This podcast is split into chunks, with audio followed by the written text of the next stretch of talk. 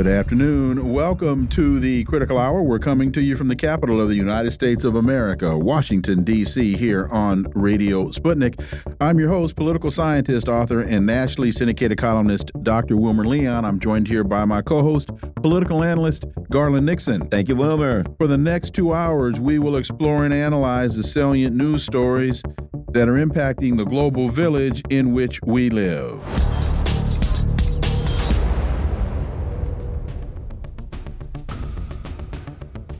The South China Morning Post reports Taiwan election 2024 silence in Brussels lays bare EU divisions on Taipei.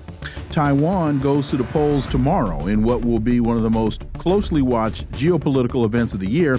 Yet, thousands of miles away in Brussels, Europe's political capital, you could be forgiven for not realizing the election was taking place at all. What what signals does this send? Well, for insight, let's turn to our first guest. He's a writer, author, and professor of East Asian and Global History at New Mexico State University, Dr. Ken Hammond. As always, Ken, welcome back. Hey, glad to be here. An important day. A uh, very, very important day. But Before we get to this story, uh, and uh, sorry, sorry to put you on the spot, and if you haven't followed it, fine. Any thoughts on the International uh, Court of Justice uh, genocide trial against Israel that South Africa has brought? Well, I, I think this is a, a wonderful uh, uh, initiative. Uh, you know, South Africa uh, certainly has its own long history of dealing with uh, the problems of apartheid and terrorism against, you know, a, a local population by a, a, settler colonial regime. And I think that it's it's a wonderful thing that they're taking these steps. I don't know how the the ICJ is going to uh, deal with this. And obviously, uh, you know, uh, the United States and Britain and other European powers, especially Germany, are weighing in against this, and it's quite it's going to be quite a contentious uh, episode. So. Uh, I think that, uh, but I think it's a it's a great thing. you know, Israel's conduct in Gaza has been unconscionable, and it's it's important that, and of course, it isn't just South Africa. There's a list of other countries that have signed on uh, you know, from Bangladesh, uh, you know, all, all the way down. I can't remember the whole alphabetic list, but it's a it's a remarkable grouping, and I think it shows that uh, that people around the world are just horrified by what's happening, and that uh, you know we have this mechanism that the United States, of course, doesn't recognize the authority of the ICJ over itself, but has in the past wanted to use it against regimes or people that it doesn't like. And now, of course, they're denouncing it because it's going after someone that they're supporting and funding, you know, their genocidal, uh, you know, campaign. So it's a it's a it's a remarkable historical moment, I think. Moving back to the Taiwan election, you know something interesting going on in here here and that is that the US is able to drag the EU into any kind of disaster it wants such as oh attacking Yemen whatever right but when it comes to China, as an example, Germany, they know the pain that they have had from abandoning uh, uh, inexpensive um, uh, uh energy from Russia. I think the European countries are looking at China saying, "Oh man, that's game, set, and match for uh, for us." They're not so thrilled with it. Your thoughts on the upcoming elections, the U.S., the EU, and all the uh, the dynamics around that? Well, you know, the polls are going to be opening uh, in Taiwan in just about eight hours, given the, the time difference and the international dateline and all. So, we're going to see the uh, the outcome of this, uh, you know, within the next 24 hours. And uh, at this point, it's hard to predict what that outcome is going to be in terms of the presidential election. Uh, the the the incumbent vice president, uh, who uh, Lai Ching-te, who's running for president for the for the, the Democratic Progressive Party, uh, was leading significantly in the polls a few months ago, but that gap closed to about three percent. You know, when the last polls were taken about 10 days ago, Taiwan has a law that prevents uh, any polls being released in the 10 days before the election. Uh, so, you know, that uh, if that trend has continued and there's indications that it has, it may well be that uh, uh, uh, Hou Yu-ih for the uh, for the uh, uh, Kuomintang party uh, will prevail and will emerge as as the victor. Uh, we just don't know exactly how how things are going to play out. It's going to be a very interesting 24 hours. The legislative elections are taking place at the same time, and it's very likely almost all the polls agree that uh, that uh, the DPP is going to lose its majority in the legislature, and that the the Kuomintang and the the Taiwan People's Party, the TPP, uh, will be able to work together uh, to kind of roll back some of the uh, some of the more problematic uh, policies and behaviors that the, that the DPP has been indulging in. But until the until the polls close, until the votes are counted, it's going to be uh, anybody's guess as to what's going to happen with the with the presidential election. Of course, the United States has been denouncing uh, e- interference in the election because you know the government on the mainland has said that uh, you know they think this is an important election and they hope that people in Taiwan uh, you know make rational choices. I hardly think that that amounts to terrible uh, intervention. If anybody's been manipulating the situation on the island, of course, it's the United States.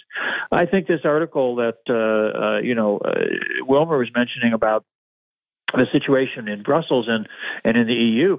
Uh, you know, Europeans, uh, you know, not just Germany, others have learned their lessons from from the the damage that's been inflicted upon them by the NATO provoked war in Ukraine. And they don't want to see you know a war with go down with with China and Taiwan and the United States because that will that will just devastate uh, a lot of the economy in Europe. It'll it'll disrupt, to say the least, uh, you know, supply chains and and uh, things like like of course microchips that are so important in in our you know over technologized society. So you know, I think that the Europeans are are you know trying to their their silence is uh, is you know speaks speaks loudly itself because they're very worried about the situation. They generally have to toady to the United States, but here, uh, their own material interests may may override their their general subserviency to American interests. Based on the research that you do and the sources that you have, one of the things that I have not read much on is anticipated turnout. Do you have any idea? Uh, are there has there been much discussion about the degree of turnout, and is is there a thought that the greater the turnout, the less probable it will be for the interests of the United States, or vice versa? Yeah, the, the, the turnout issue is, uh, you know, obviously in any election is important. Uh, turnouts in Taiwanese presidential elections in recent cycles have run, you know, in the upper 60s to lower 70 percent. So, uh, pretty good turnout rates.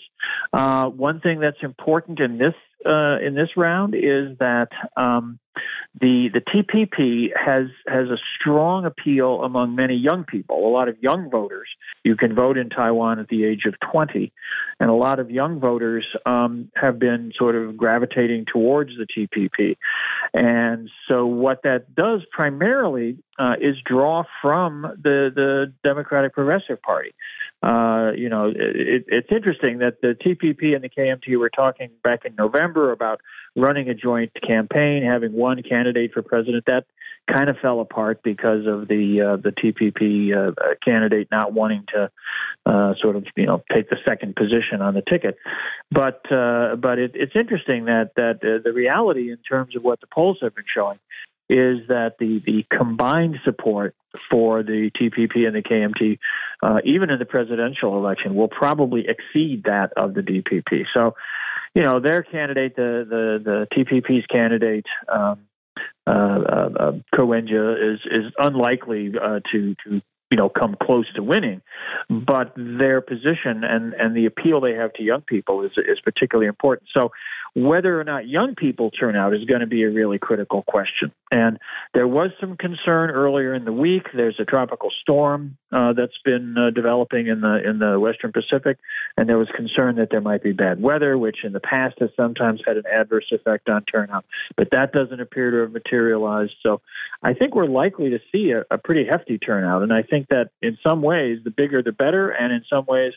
Uh, uh, the more young people turn out, the better in terms of trying to get Taiwan onto a onto a course that is not as as dependent upon American uh, you know military uh, provocation, and and allows the people of Taiwan to to you know pursue their relationship with the rest of the country in a way that uh, is a little more reasonable and, and likely to, to to be beneficial for everybody involved.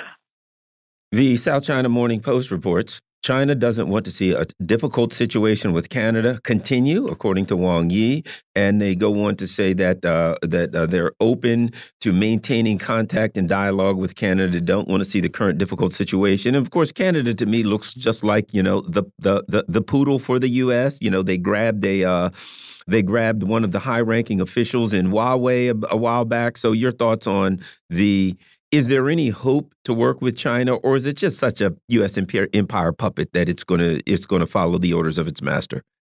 Well, I think I think the important thing here is is Wang Yi's message. You know, Wang Yi's message, uh, which is consistent with with China's diplomatic uh, uh, conduct, you know, for for decades, is that um, you know, it's important that uh, that countries, even if they have different uh, social and economic systems, uh, that they find ways to seek out the things that they can that they can that can be mutual benefit, mutually beneficial for both sides.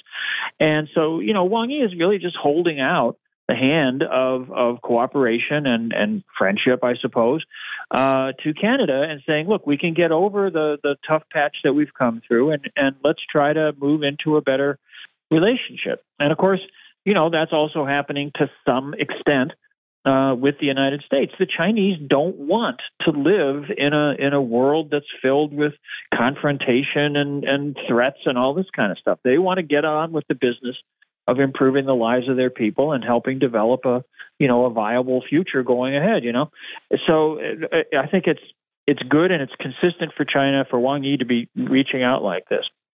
Whether Canada is able to respond in any meaningful way, of course, is going to be strongly influenced by American imperialism.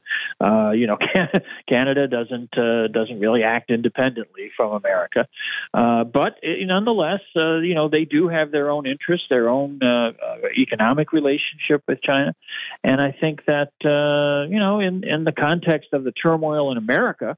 Uh, the political uncertainty going forward uh, in in our country, uh, that that uh, there may be at least some in Canada who would like to see a more pragmatic approach to their relationship with China. You know, that's that's. I don't think they have a lot of wiggle room, but uh, this is an indication that China is certainly willing to work with whoever is is you know going to be reasonable to work with, you know, on on both sides. And I think that you know, we'll have to see what uh, how this plays out in the future. But I think this is a good initiative. It's a good sign uh, on uh, certainly on China's part, and the fact that Canada wasn't just dismissive. Um, you know, I, I, think that that's that's a positive uh, a positive indicator. Asia Times has a what I think is a very interesting and telling story. North Korea, the forgotten front in the global wars. Kim is beating war drums, but Pyongyang's dictator has incentive to bide his time rather than spark a new conflict. Uh, your thoughts on this, Ken? Because what what we've, I think I can speak for Garland here. What we see here is not Kim beating war drums, but his responding to provocation by the West, and uh, as in also uh, uh South Korea, and sparking a new conflict again. I don't see his actions being aggressive. I see his actions being defensive. So, as they say on the corner, don't start nothing, won't be nothing.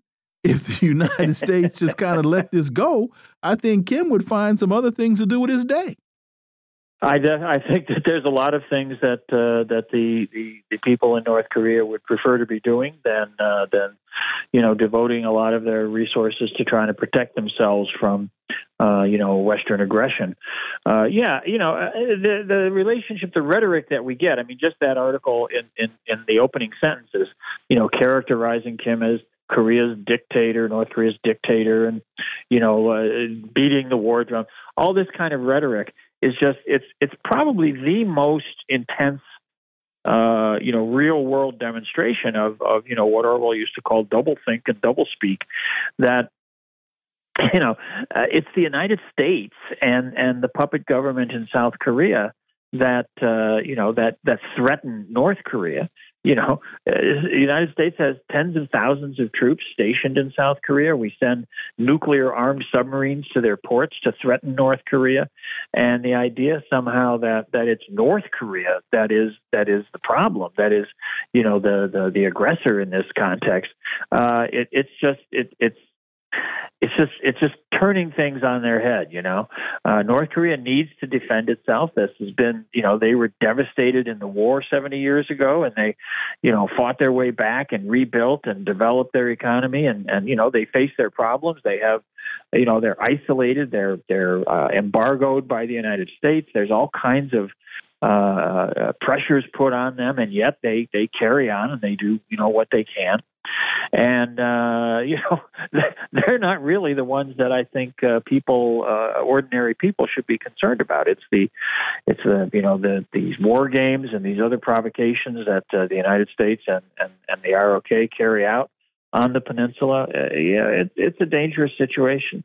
I think what what triggered that particular article was some some language in uh, in Kim's recent speech to the to the Workers' Party conference about um, recognizing that that South Korea, you know, that the hopes of reunification are are kind of kind of dismal, and that South Korea really is just a pawn of the United States and needs to be recognized as such. Well, but you know, again, that's that's kind of calling calling things as the, as you see them.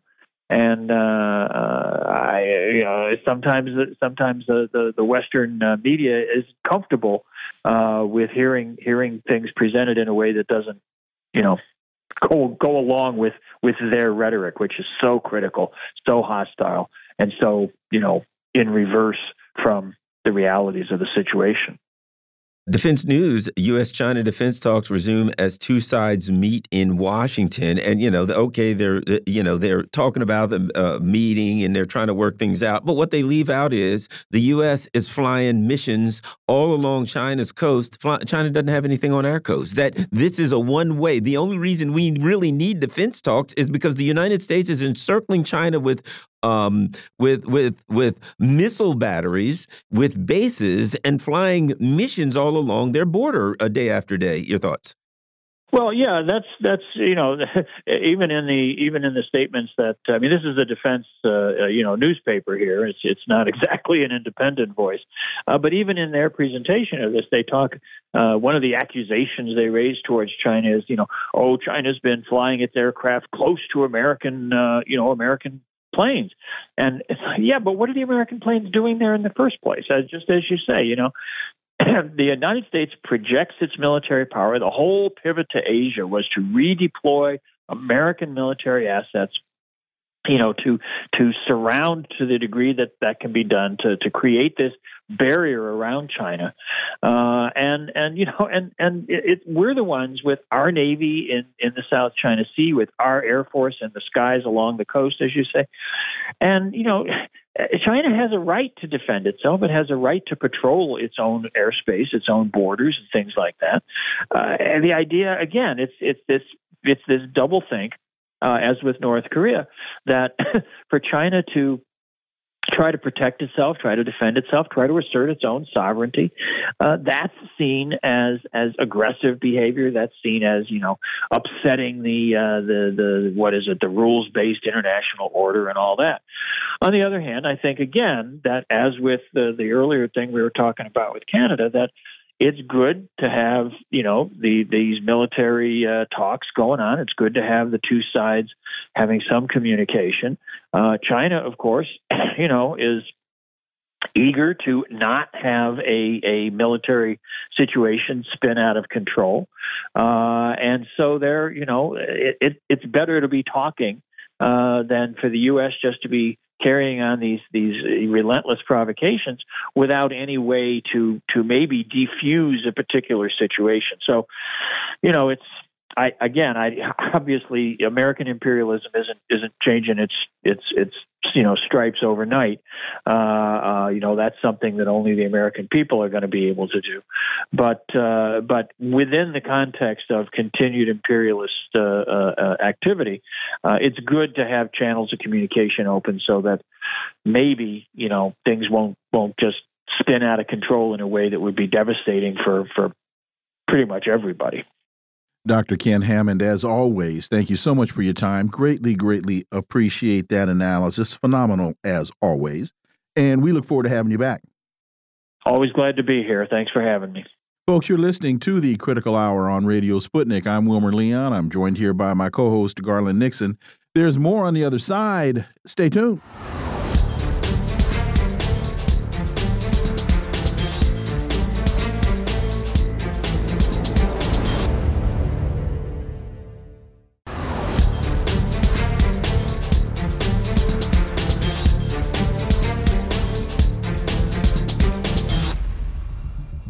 We are back, and you're listening to the Critical Hour on Radio Sputnik. I'm Wilmer Leon, joined here by my co host, Garland Nixon. Thank you, Wilmer. CNN reports U.S. and U.K. carry out strikes against Iran backed uh, Houthis in Yemen. The U.S. and U.K. militaries launched strikes against Ansar Allah targets in uh, Houthi controlled areas of Yemen yesterday, marking a significant response after the Biden administration and its allies warned that the Iran backed militant group would bear the consequences of its attacks on commercial shipping in the Red Sea.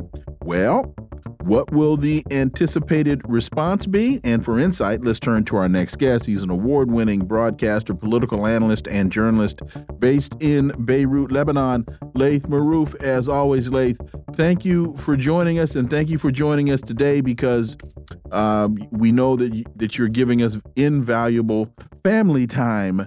So thank you, Laith. Thank you for having me. I'm, I'm always uh, glad to be on your show. So Biden said he ordered the strikes, quote, in direct response to the unprecedented Houthi attacks against international maritime vessels in the Red Sea, end quote. British Prime Minister Sunak said today that the strikes were an act of quote unquote self defense, adding that the aim was to quote de escalate tensions and to restore stability to the region, end quote. Laith, your response to this and uh, talk about the continued reference to Ansar Allah as being Iran backed, Iran backed, because you know people don't usually refer to the Zionist colony as being U.S. backed. So, talk, speak to that, please, and and what what has transpired over the last day. You know, anybody that says Houthi controlled areas uh, is trying to deny that 90% of Yemeni people live in the areas controlled by the Sana'a government um, and the national military of Yemen. Uh, this is the truth. You know, the uh, government in Sana'a that uh, includes members of the Houthi party or Ansar Allah party uh, is a national government that is a coalition of uh, much of the parties that are in Yemen, and much of the Yemenis live in these areas, as we said. So this is a government that represents the will of its people and uh, the majority of them. Um, so to also hear the uh, speech uh, language that the, the, the leaders in the United Kingdom and the US is using. It's like they're telling you left is right, war is peace. Um, and, uh, you know, this is where it's becoming so ridiculous the detachment from reality. We know Yemen is only targeting Israeli shipping uh, and Israeli shipping companies, and has said that it is doing that as its obligation under the Genocide Act to uh, stop the uh, commission of genocide by the Zionists in Gaza. And what the Americans and the British just did with the Canadians and Australians and uh, Bahrain apparently uh, uh, have now are are causing the uh, to bring danger to all shipping in the world because up until now the uh, Yemeni uh, military has only targeted shipping going to Israeli ports and or associated with Israeli companies. Uh, but from this day on, uh, all shipping for the United States, all shipping to uh, the British, uh, the Canadians, the Australians. All of that is going to be targeted, and we have had now statements from the Yemeni military saying that they are already firing ballistic missiles and drones on American uh, warships in the Arabian Sea.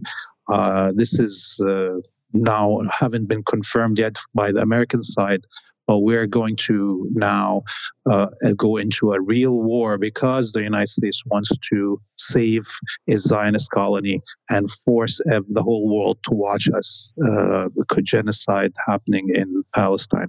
You know, I read one of the things I read last night was that the Yemen, since they, you know basically they've been bombed for the last eight years, said they pretty much had most of their stuff underground. They were pretty much prepared for that, and that they were going to, um, yeah, as they say in the on the, in the on the on the high seas, maintain course and speed.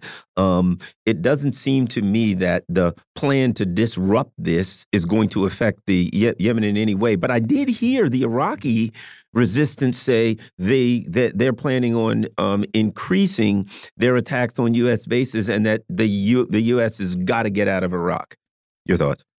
Yes, and look, uh, right now, uh, the uh, also the Omani government, which is usually a pro-American government, has closed its airspace to any Western uh, flights and has uh, condemned the, the, attack on Yemen.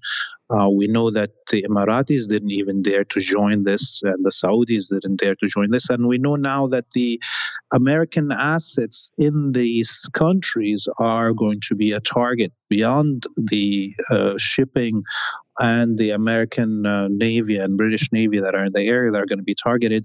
We are hearing right now the confirmation from um, uh, the United Kingdom that there was an attack on ships off the coast of Sri Lanka. So we're going all the way to the other side of the Indian Ocean right now that is becoming also a war zone. So what we saw, what the Americans just uh, started is uh, a inflammation of this battle. And now the battle zone is not only just the arabian sea or the uh, uh, red sea because of just directed at israeli shipping. Now it means all western shipping all the way on all the sides of the Indian Ocean could be targeted by these drones that can uh, uh, travel so far and these uh, ballistic missiles and uh, cruise missiles that Yemen has. And to your point about this spreading, Iran seizes tanker in retaliation for the U.S. stealing its oil. Or this is from uh, antiwar.com. Iran seized an American tanker in the Gulf of Oman yesterday in retaliation for the U.S. previously seizing the same tanker and stealing a shipment of Iranian oil that it was carrying. Uh, uh, it seems as though it's escalation, provocation, provocation, escalation. And to your earlier point, the United States wants to say up is down, down is up, good is bad, and peace is war because again, if you just don't start nothing, there probably won't be nothing. Laith Marouf. This is a very funny story because it shows you how Iran played the long game and played like a real chess, you know, uh, because this ship was, uh, you know, pirated by the United States, dragged to, if you remember last year, the Texas ports in, in, in Texas and where its uh, shipment was was uh, emptied there. And then the, the United States changed the name of the ship and sent it out to the world and then bringing uh, oil from the Gulf. And it got basically uh, confiscated, re-liberated by the Iranians, dragged to its own ports with the oil that's on it, and so this is this this really requires uh, long-term planning and meticulous uh, follow up on this file for that for this to happen. And I don't think the United States the thought for uh, that uh, this through, and uh, now uh, it shows that Iran can uh, deliver on equivalency of uh, attack. So the United States, anything that the United States is throwing at the axis of resistance in general, the axis of resistance is, as a whole, is delivering equivalence of that, and this is something that the United States is not used to and hasn't been seeing something like this since World War II. I don't know if this next question makes sense, but you know, we always say to folks listening to these conversations, when you're engaged in these conversations, if you can pull up a map, pull up a map. So we start off talking about the Houthis on the Red Sea. Now we're talking about Iran and the Gulf of Aden, which is in the Persian Gulf. Between those two bodies of water lies Saudi Arabia on both end, on both sides. So eh, where do you see the Saudis in this? Because now they they there are there are battles in the Red Sea. You got ships being taken in the Persian Gulf with the Saudis in the middle. Yeah, I mean, look, all of these countries right now, their economies are going to go into a standstill, especially if this war means there's no more uh, shipping from any of these zones. If this ex expands very fast, look, uh, the Qataris uh, are, are hosting right now the Asian uh, Football Club uh, um, Cup, you know, instead of the World Cup, but it's just for Asia and it's killing them because you know travel is uh, you know much of the world doesn't want to come to the region. Imagine how much the whole economy of these countries are going to be affected. And i don't think they wanted this. They've tried uh, you know to steer some of the american uh, uh, government towards more compromise, but it seems like they were not able to get their master to listen to them, and they're going to pay hard, very big price if this war uh, expands. If Yemen right now attacks, uh, for instance, American troops in Saudi Arabia or in Bahrain in the uh, naval command uh, for Central Command in the, uh, the American Navy, uh, this is going to definitely shut down much of the Gulf export of oil, and Europe is going to be squealing this winter. Let me ask you this. You know, um, I've been talking to people lately about the Sunni Shia divide and how that this is kind of bridging that. Uh, that the, the, Houthis are seen as heroes by the maybe, maybe not by the leaders in the Arab country, but by the people. I, you know, when I go online, I see Houthis are heroes, Houthi everything here in the United States. What are your thoughts on that? On on on how the people in the region that aren't Shia are looking at the Houthis now? And and anyway, go ahead. Yeah, I mean, the West has invested uh, a huge amount into this schism between Shia and Sunnis, uh, you know, and with the Saudi help uh, for a long time exporting the Wahhabi cult ideology into much of the Arabic and Muslim world. Uh, but look, uh, now people saw 10 years of what does it mean to have Wahhabi cult uh, anti-Shia and the death squads that we saw in Syria and Iraq and that uh, definitely whatever investment that the west put in into this uh, cult and uh, into this schism uh, is now gone. And today the youth in the arabic and muslim world are watching as the quote unquote shia muslims in yemen the shia muslims in lebanon and iraq uh, uh, leading the support for the liberation of Palestine from outside Palestine, and that nobody else is willing to put uh, their blood uh, into this liberation but these quote unquote Shias. So now we see a uh, re uh, kind of harmonization of the Muslim world and people understanding uh, becoming very clear to them uh, that th- this has been always a plot from the West to create a uh, wider schism from the Arabic world and Muslim world to make it uh, fight internally and not concentrate on pushing out the imperialists and the Zionists from Palestine. The New Arab reports Israel's Gaza rhetoric shifts following South Africa's ICJ genocide case. Some senior Israeli figures appear to have toned down their rhetoric ahead of the genocide case. And you've got Netanyahu claiming that Israel is fighting terrorists and not the Palestinian population. It's and it's doing its utmost to minimize civilian casualties. Your thoughts on where the case has gone and, and what you project going forward? It is. It was uh, amazing today uh, to see uh, the Israeli response to uh, the accusations by South Africa. Um, not only how ridiculous it was, because it was a copy paste from the mass uh, propaganda positions that we see on social media. It wasn't uh, based on any facts. it was creating a fiction.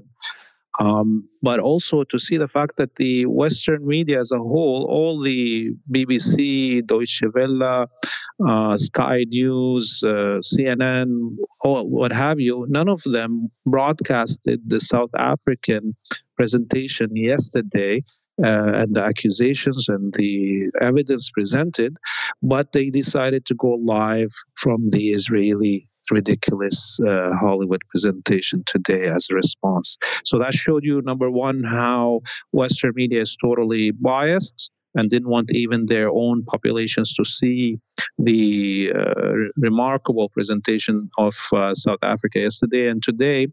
The uh, the way that the Israelis conducted themselves uh, they, I mean, uh, were repeating accusations that have been uh, uh, uh, shown to be fabrications by American media like Washington Post and so forth about, you know, 40 somewhat babies killed. There's now, we know there's only one infant killed, and that is in during October 7th, and that's, of course, um, very, uh, you know, um, it, it is. One, uh, that's one too many. Regrettable, yes. It's one too many, but now we also know also that that child was killed by the Israeli military shooting on the houses um, in the settlements from tanks and so on. So we, so this is where we saw today the Israelis um, denying that they destroyed hospitals and, and massacred people in them. They were trying to deny facts and never presenting any fact. And that's what we are now used to. The Israelis fabricate the past and they want to fabricate reality now and they want to fabricate a future that is uh, empty of the existence of Palestinians. And we, the whole world is going to deny them that. And South Africa is leading humanity in this quest of uh, liberation from Zionism.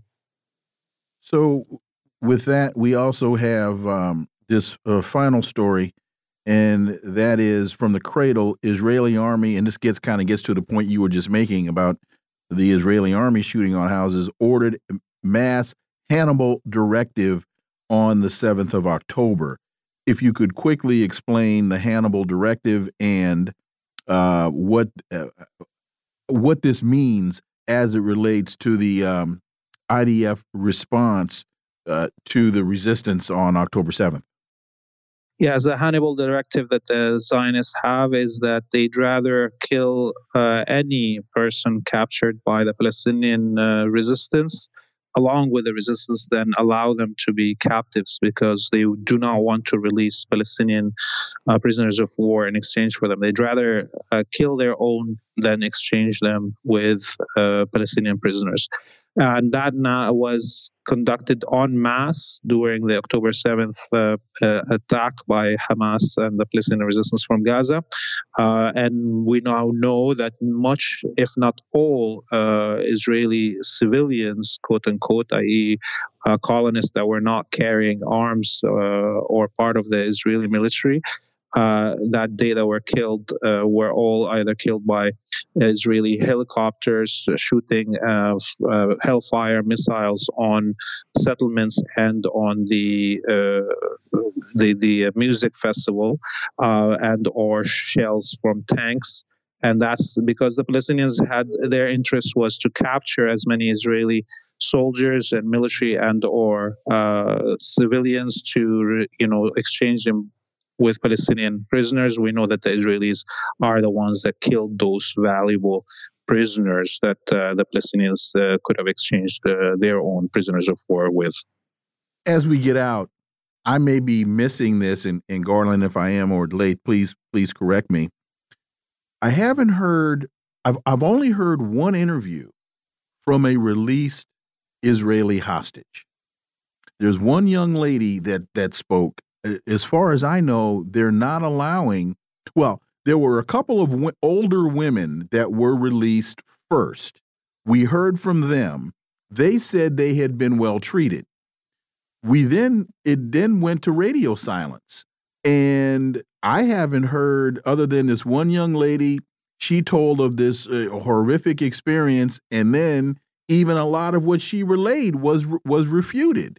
So, Laith, am I? Is it that I'm missing it, or is it that we're not hearing from these individuals because I would think, particularly looking at the case before the uh, the Court of Justice, that if there were all these atrocities being uh, committed, torture and whatnot of these individuals, that would have been front and center in the case before the International uh, Court of Justice. Yeah, there's no evidence presented to the court, and this is what's amazing. Uh, but we also, of course, know that uh, every uh, captive that was released uh, was told that they can't speak to the media, and we have a, the whole silence there. And only those who defied in the beginning the orders of the Israeli uh, military, the older ladies, that spoke about how well they were uh, treated. And finally, this this younger woman that was originally, if you remember, we showed uh, was shown a video from inside uh, Hamas uh, captive uh, regions where she got uh, treated for a broken arm by a by a, a, a, doctor, and then she eventually spoke out about you know after I guess she got coached and so on. But she spoke about how she she felt raped by the looks that she got from Hamas men. This is as far as mm-hmm. so it's it's you know the and so there's never anything about rape and or babies killed or ovens or what have you that has been proven. This is all propaganda okay. by the Zionists, and we know that the uh, these uh, captives have been treated uh, better than than anyone can imagine, especially Palestinian people that are imprisoned in the Israeli dungeons. Laith Marouf, as always, thank you so much for your time. Greatly, greatly appreciate it. We look forward to having you back. Thank you very much. Folks, you uh, are listening to the Critical Hour on Radio Sputnik. I'm Wilmer Leon. I'm joined here by my co host, Garland Nixon. There's more on the other side. Stay tuned.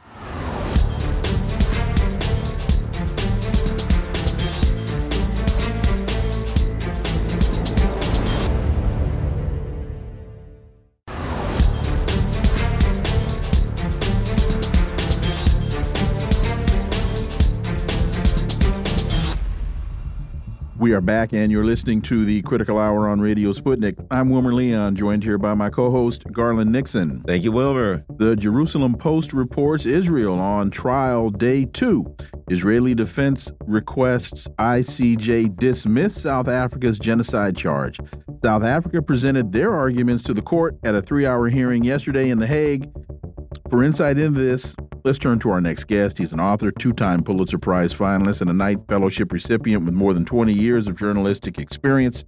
He's a former Washington Post bureau chief and award winning foreign correspondent on two continents. Jon Jeter, as always, welcome back. Thank you for having me. So, pushing back against South Africa's complaint at the International Court of Justice, Israel argued this morning it has it is Hamas's perpetrating genocidal acts. Note the IDF if there have been acts that may be characterized as genocidal, then they have been perpetrated against Israel. This is from Tal Becker, who opened Israel's defense presentation, adding if there is a concern about the obligations of states under the Genocide Convention, then it is in relation to their responsibilities to act against Hamas's proudly declared agenda of annihilation, which is not a secret and is not in doubt. Ugh. Jon Jeter, your thoughts. This reminds me of the old uh, Eddie Murphy monologue about the wife who catches her husband in flagrante delicto with another woman. And he essentially turns the tables by saying, It wasn't me. This is uh, uh, sort of a version of the Jedi mind trick, I guess you would call it. Uh, who are you going to believe, me or your lying eyes? Uh, Israel clearly has no defense. I, am actually surprised that they even appeared in court to give this really ridiculous argument, you know, that as if people can't count the difference between 22,000 Palestinians dead and 1,200 Israelis, many of whom, by the way, were killed by uh, the Israeli Defense Forces. Um, it's just ridiculous, absurd. We, have reached a point where uh, the settler colonial settler colonialism in the form of the United States and Israel just doesn't have any other. They don't have any counter arguments, so they've uh, um, plunged to the depths of absurdity with this. I, I think you know it's very clear to them, it's very clear to everyone that South Africa is going to win this case on its merits. What happens after that, we don't know. But that's a big deal. I think Israel realizes it now, and that's why they uh, even appeared in court to give this ridiculous argument just just for appearance's sake or just to save face as much as they can. You know, the other part of it is when you say win, you know, there's the technical out, technicality of winning in court and, you know, what machinations the U.S. empire can do um, to affect the outcome. All of that's thing that's true. But They've already lost because this is showing live online. I've watched it. I know so many people that that I've watched this. So in the court of international public opinion, people whose governments are saying, "Oh no, we support Israel," you know, everywhere people are looking at that saying, oh my gosh, they, you know, it's worse than I thought. They're seeing the evidence. So, regardless of what happens in court, they're losing because everybody's seeing the evidence now very clearly. Jon. Uh, uh, no doubt about it, Garland. I, I, you know, I have been, I worked in South Africa as a correspondent for the Washington Post for four years back in the early aughts. Um, while I admire the Rainbow Nation, I have been very disappointed in the uh, handling of the economy by the African National Congress, Nelson Mandela's party. They they uh, left the economy in the hands of very rich, very white people in South Africa, and so I'm on record of being very critical of them. Uh, this I am very proud of. This is redemptive in my eyes. I think what South Africa has done. This is a story for the ages. They have really uh, pushed it forward. I think very clearly in recognition of the help the solidarity that was that was expressed not just by the Palestinians and Yasser Arafat, especially, but by the Cubans and Fidel Castro, um, by Black Americans who really initiated the boycott and divestment movement uh, in the 80s uh, against uh, the targeted uh, apartheid South Africa. You know, uh, South Africa has shown the world that settler colonialism is an unspeakable evil, and that is uh, for those of us who have recognized that for a long time, that's not a big deal. But for a lot of people, uh, this is a huge friggin' deal, as the kids might say. And I think uh, it marks a tectonic shift in the political order going forward. It won't it won't happen tomorrow, but I think we're going to see over the next year and over the next years, the next few years, we're going to see a very real change. And I think when people uh, look back on this history, they will they will mark uh, yesterday and today uh, as really um, uh, inflection points in world history. You mentioned you were surprised that Israel even showed up and presented the just utter foolish response that they did. And as you were speaking, it took me to uh, Madeleine Albright and her infamous interview, 60 minute interview with Lesley Stahl, when Lesley Stahl said to her, We've heard that half a million Iraqi children have died. I mean, that is more children than died in Hiroshima, said Lesley Stahl. And, you know, is the price worth it? And Madeleine Albright looked in the camera and said, I think that is a very hard choice, but the price, we think the price is worth it.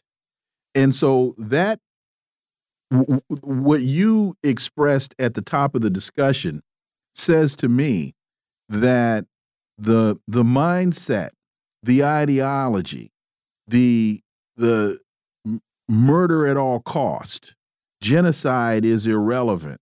That whole mantra and mindset that we hear from Tony Blinken, that we hear from from from Joe Biden, that we hear from Netanyahu, it, it's alive and well and, and lives in the individuals that I made that I mentioned.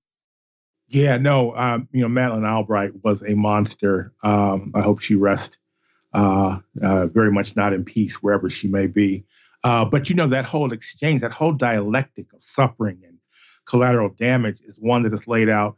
You know, one of my favorite scholars these days uh, is uh, the Cameroonian scholar Achille Mbembe. I, I hope I'm saying his last name right. And he speaks of necropolitics, which is the understanding uh, of collateral damage in the Western world that for uh, the colonizer to live well, which in this case is usually white people, people who are identified as white, for the colonizer to live well, darker skinned people must die. That's collateral damage. They're perfectly fine with that, right? I think I think though uh, uh, there's a writer uh, who, whose name I never remember. Uh, I can never recall his name, but I remember he said this. At some point, we all must pay homage to reality. We, all must pay homage to reality. That's what's happening here, right? We're starting to realize that it's not okay for the rest of the world for for us to die, the darker skinned people of the global south, so that white people, so that the colonizer can live. That's becoming apparent. That's something that genie is out of the bottle now, right? And I don't think you can put it back in. And I, and I think that is expressed in terms of the outpouring of support for the uh, Palestinian people by so many actors who maybe you wouldn't expect. Uh, rabbis in New York and, uh, you know, again, South Africans and Bolivians, Bolivians who, of course, understand uh, what it means to be colonized and what it means to be uh, to have your land annexed. They were colonized. They were a, in fact, owned by a corporation. They were a corporation until I think 1959 or somewhere around there. The Bolivian people wasn't even a state. It was a it was a corporation, and yet and they've also had their land annexed by Chile in a war more than 100 years ago. So people are starting to understand, not just to understand, but to feel what it means to be dispossessed, to have someone else, someone else determine your prospects, the possibilities of your life. And I think this is just something, you know, all the all the rockets, all the bombs, all the drones at the disposal of the United States, at the disposal of Israel, um, they can't defeat that idea, that understanding, that feeling of what it means to have someone else in control of your life.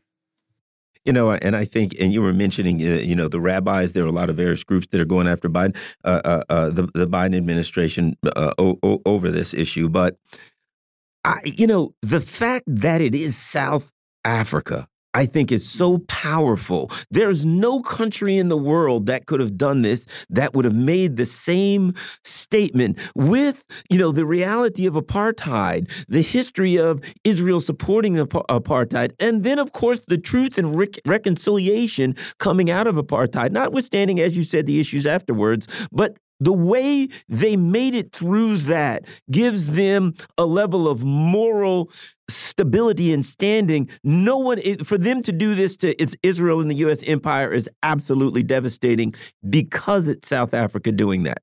Your thoughts? It is breathtaking. I, I, will try to make this quick, um, but I, I, wrote a story for Black Agenda Report this week on uh, why South Africa did this. And I talked about a very famous battle, famous for some people, certainly Africans, uh, Cuito Cuanavale in mm-hmm. uh, Cuanavale in Angola, in uh, beginning in late 1987, when the Marxist government had mounted an, offense, an offensive against the uh, rebels known by the Portuguese acronym UNITA. Uh, they were backed by South Africa uh, and also by the United States. Uh, they mounted an offensive, and they were. It looked like they were going to win this war, which would put a Marxist government basically on the doorstep of the apartheid government. And uh, Pretoria made the fateful des- decision to send in 9,000 troops. They had been reticent to do that uh, heretofore because they, like the United States and most Western nations after Vietnam, were, were, were reluctant to put boots on the ground for fear of a backlash at home. But they decided it was ne- a case of neck or nothing. They sent these 9,000 troops and they just started wiping the floor uh, with uh, uh, the Angolan government troops. Uh, Fidel Castro gets wind of this and he doubles down and sends 30,000 Cuban troops to this small town, uh, Cuito Cuanavale. I've actually been there. It's amazing. It's a monument now to this famous war. And the and the uh, the Cuban troops helped the Angolan Angolan government turn the tide once again. Within six months, they drive South Africa out of, of Angola and and and the, the the victory is so decisive. They forced South Africa to negotiate in to uh, the apartheid regime, which was also in Namibia, which borders uh, South Africa. So they negotiate the freedom of of, uh, of Namibia. 18 months later, Nelson Mandela is free from prison. The African National Congress is unbanned, and four years after that, uh, voters of all races in South Africa go to the polls and uh, usher in this democratic era. I say all that to say that uh, the, the Battle of Cuito Cuanavale is is is is a hallowed victory for uh, uh, uh, the forces of good in the Cold War. I think what happened, you can maybe say it was October 7th, but I would maybe even say it was uh, what was yesterday's date, the uh, January 11th, when South Africa went to court and repaid that debt in a way that's just so it's breathtaking, really, what they did. That 84 page document is a work of art. Mm. Their legal brief uh, charging genocide. It's a work of art. Jon Jeter, as always, greatly, greatly appreciate that analysis. And we look forward to having you back. Thank you. Thank you, Jon. And you know, Garland, this with with Jon very clearly laying that out. Uh, it seems as though history is repeating itself, and and Dr. King told us that the moral arc of history is long, but it bends towards justice. Yeah, I, I agree. And I think this is going to be something that really pokes a hole in the U.S. empire because Israel is an extension. To me, I always believe that Israel is a it's a military outpost of the U.S. empire first and foremost. That's Biden why Alex called it the unsinkable aircraft. That's what carrier. Alexander Haig called it, and many other people. And uh, I think the unsinkable aircraft is getting sunk. and and uh, Iraq was very clear. Um, Iran was very clear. We will expel you from the region, and expulsion might be in in the works, folks. You are listening to the Critical Hour here on Radio Sputnik. I'm Wilmer Leon. I'm joined here by my co-host Garland Nixon. There's another hour on the other side. Stay tuned.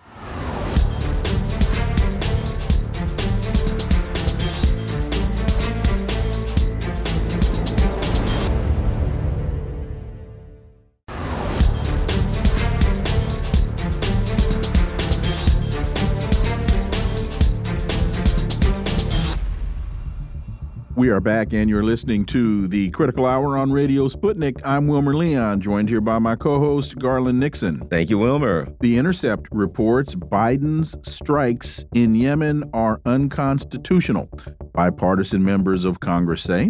The attacks against the Iran backed Houthis stoked fears of U.S. involvement in a regional conflagration.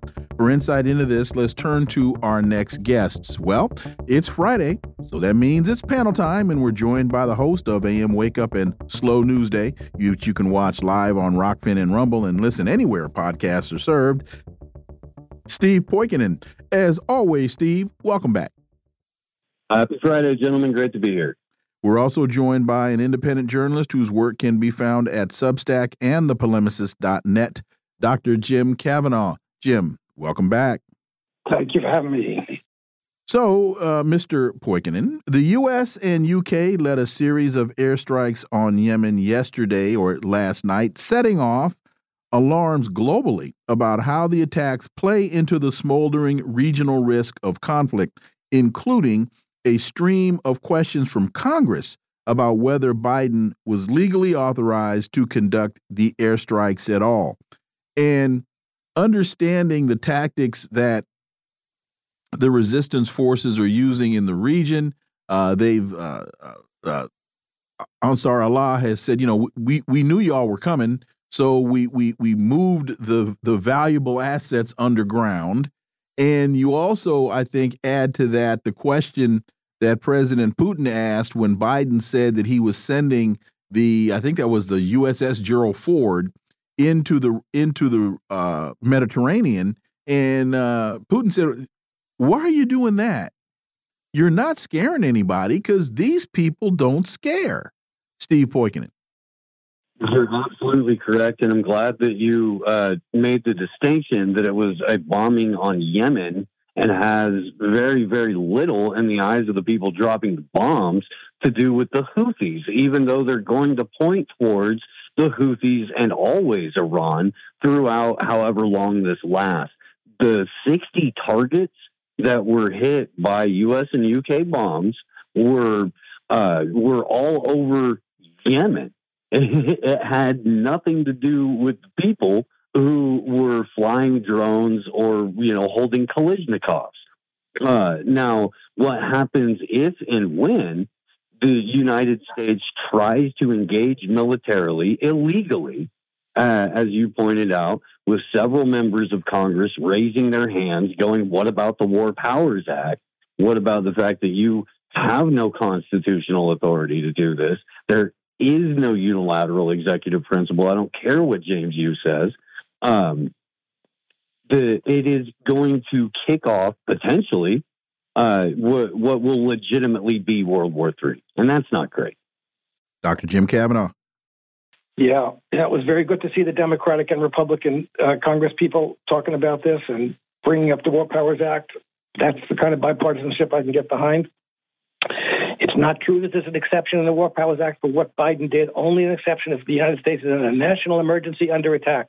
The United States was not under attack. Israeli vessels were under attack, and only Israeli vessels. Houthis aren't trying to stop, nav- prevent uh, free, free, navigation. They are trying to interrupt a genocide in progress. They are claiming they're taking a stance on behalf of enforcing the Genocide Convention, enforcing the the worldwide uh, injunction to do something to prevent genocide, and they are right. And what the United States is doing is not fighting on behalf of freedom of navigation, but on behalf of Israel's right to genocide the Palestinian population. The Houthis are saying we're only going to do this as long as, the, as, as Israel is under is attacking Gaza. If Israel stops its siege on Gaza and lets humanitarian aid in, we'll stop doing this.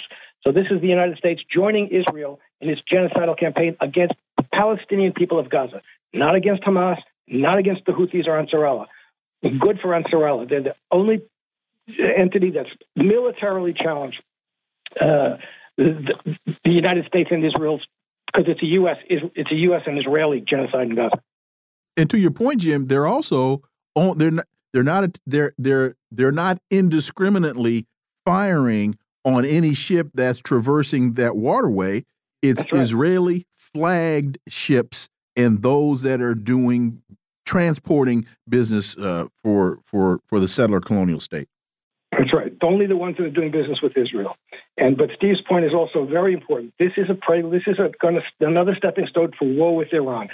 The Iran backed Houthis, Houthis, the Iranian proxies, blah blah blah blah. Or the, and this is what this is what Israel wants, and they're marching towards it. They're widening the war so that they end up getting a war on Iran. That's that's very likely to happen, and it's going to be a disaster. And the United States is foolish if they think, you know, they convince themselves, oh, we've given their, we've given uh, Yemen a bloody nose, so now they won't dare attack us. The Yemenis had a million people out in the street. They're going to fight back, and it's going to cost a lot, and it's going to lead to a larger regional, probably world war. Well, you know, uh, uh, Steve. Here's the thing, too. The, uh, the, the the Yemen government has made it made it clear. Number one, we feel it's our religious duty. Number two, and uh, I, I, watched an, a, a, a, wonderful BBC interview on X um, where a BB is the, the, spokesman for the Houthis were, was talking, and they basically said, "This is our re region. If the, the United States could be protecting the waters off of Florida, that's fine." So they're saying this is our principles because these are our people that are being murdered. This is our region of the world. You have no right to be here. And lastly, you bombed us for eight years. We've already put everything underground. You ain't going to hurt us. We're kind of used to this, Steve. You're correct. And we were talking about this uh, yesterday, too. This is going to completely disrupt, if not grind to a halt now, uh, a ton of transportation globally that the now that the U.S. has decided to get directly involved and drop bombs, uh, the Yemeni people are well prepared for this and have been for a very long time. The Houthis themselves are not playing around. And this is a place where empires go to die. Now, the U.S., being an empire in decline, has been lashing out everywhere they can and getting their butts handed to them everywhere they go. They got their butts kicked in Ukraine. They got their butts kicked all over Afghanistan. They got their butts kicked all over Iraq. They're just, it's Putin is correct when he says we're not scared of this. Nobody's scared of this. So you're going to send the USS Gerald Ford, which is a great great metaphor because I don't know who all is listening remembers Chevy Chase's portrayal of Gerald Ford on Saturday Night Live, but that's exactly what's happening right now. Bumbling, stumbling, falling off a ladder, and about to land in a place that's a graveyard for empire. Uh, let me just say this. Also. Yeah, sure. Uh, the uh, you know, I, it's it, I'm I'm sure that now that the, the United States has bombed Iran, There'll be the, all the shipping in the Red Sea is going to be safer than it was yesterday. I'm sure that's so smart that the, the oil futures went up 4% overnight. You know, that in order to protect Israel's Israeli shipping, the United States has, in fact, put all the shipping in the world under threat. And to that point, you now, you and we've got uh, Maersk and other shipping companies say, we're not going through that through that waterway now. We're going we're going as uh uh Supertramp would say, we're gonna take the long way home around the around the Horn of South Africa. Anyway, um huge march tomorrow against the U.S. Uh, Israel genocide of Gazans. It's going to take place in Washington, D.C. Uh, tomorrow, starting at 1 o'clock on the mall. Um, uh, Steve, your thoughts uh, about the the the march and what do you anticipate the repercussions of this to be as we're now gearing up for the 2024 presidential election?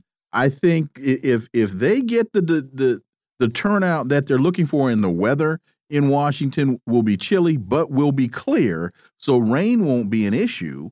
Um, uh, your thoughts on how it's going to be covered and the message that's going to be sent? I think that it's going to be covered more or less the way these things usually. Well, really, it does depend on the turnout because, for in the eyes of most of the corporate media, every pro-Palestinian march, every sentence uttered in the in you know defense of let's stop killing people, is a pro-Hamas rally, pro-Hamas statement. Uh, that's in fact the entire defense that the Israeli legal team has put forth today can be summed in but Hamas. That's it. That's all they've got.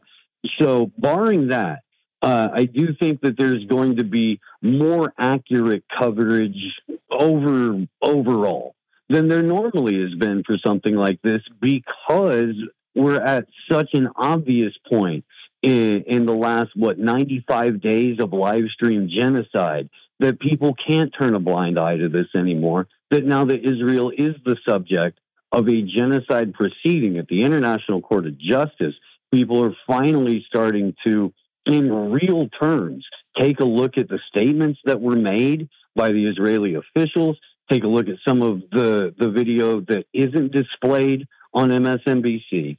Um, and that there's going to be a reverberation throughout the political class that their obedience to the state of Israel as a prerequisite for being allowed into office is at its end.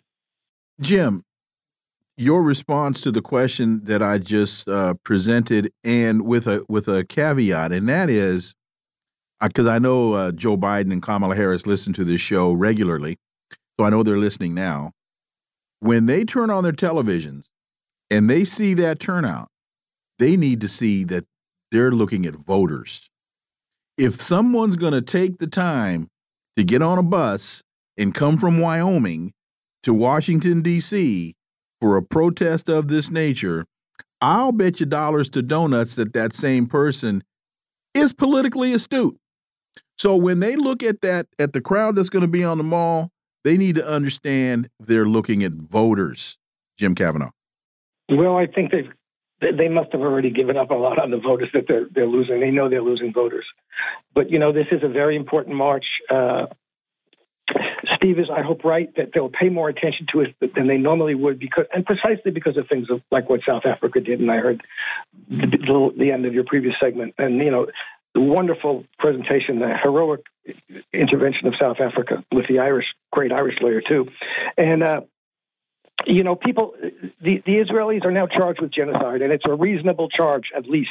And everybody knows it. You can't just ignore this stuff. You know, all I can say is, you know, and people are going to be out there enthusiastically, especially after the attack on, on Yemen. And they're being out there demonstrates that you're not going to back down from all the phony anti-Semitism, pro-Hamas, blah blah blah. This is nonsense, and we're not going to back down from it. I was at most of the demonstrations in the Vietnam War. I'm old enough to have been there, and, and against and in El Salvador and, and uh, the Central America. And this is at least as important as any of those, probably more important. And I hope that every, I intend to be there. I hope I can get there, and I hope everybody who can will show up. We need to make to have this presence. Uh, Steve, you know the the um, a lot of the Congress has been ignoring this, and now we're starting to see one or two. You know, AIPAC literally had an ad where they had Bernie Sanders in the ad saying "No ceasefire." Um, if there's a half a million or a million people in the street tomorrow, granted, I think it's a lesson for the American people and those half a million or million people, which is uh, Congress and those people don't work for you, and they're not really concerned with what you want. But do you think it has an effect? What are your thoughts? Well, you you always hope that that's the end result of something like this, and like I said, it's a it's a different moment than it was even two years ago or three years ago now when we first heard legitimate criticism of Israel allowed on mainstream airwaves. The last time that Israel dropped white phosphorus before this time in 2021, the the dam got broke a little bit, and you started to hear some some legitimate conversation regarding the issue and what the Palestinians were going through. Now, uh, after the uh, live streamed snuff films that the Israeli military brags about, that the Israeli government's official Twitter account has put out, the months and months of Netanyahu and every other official using horrific genocidal language, there there's no walking uh, around it without sounding like an unhinged maniac. And so, for the first time, really, since the whole colonial settler project began, we're seeing uh, real pushback. And that, in and of itself, is going to have a ripple effect, regardless uh, of how the protest gets covered, uh, or whether it's a half a million or a million people. Two, let's combine two stories. One, Biden makes it all about Trump. Will that be enough? That's from the Free Press, uh, where they uh, they talk about Biden's speech at Valley Forge, and uh, Biden says today we're here to answer the most important of questions: Is democracy still America's sacred cause?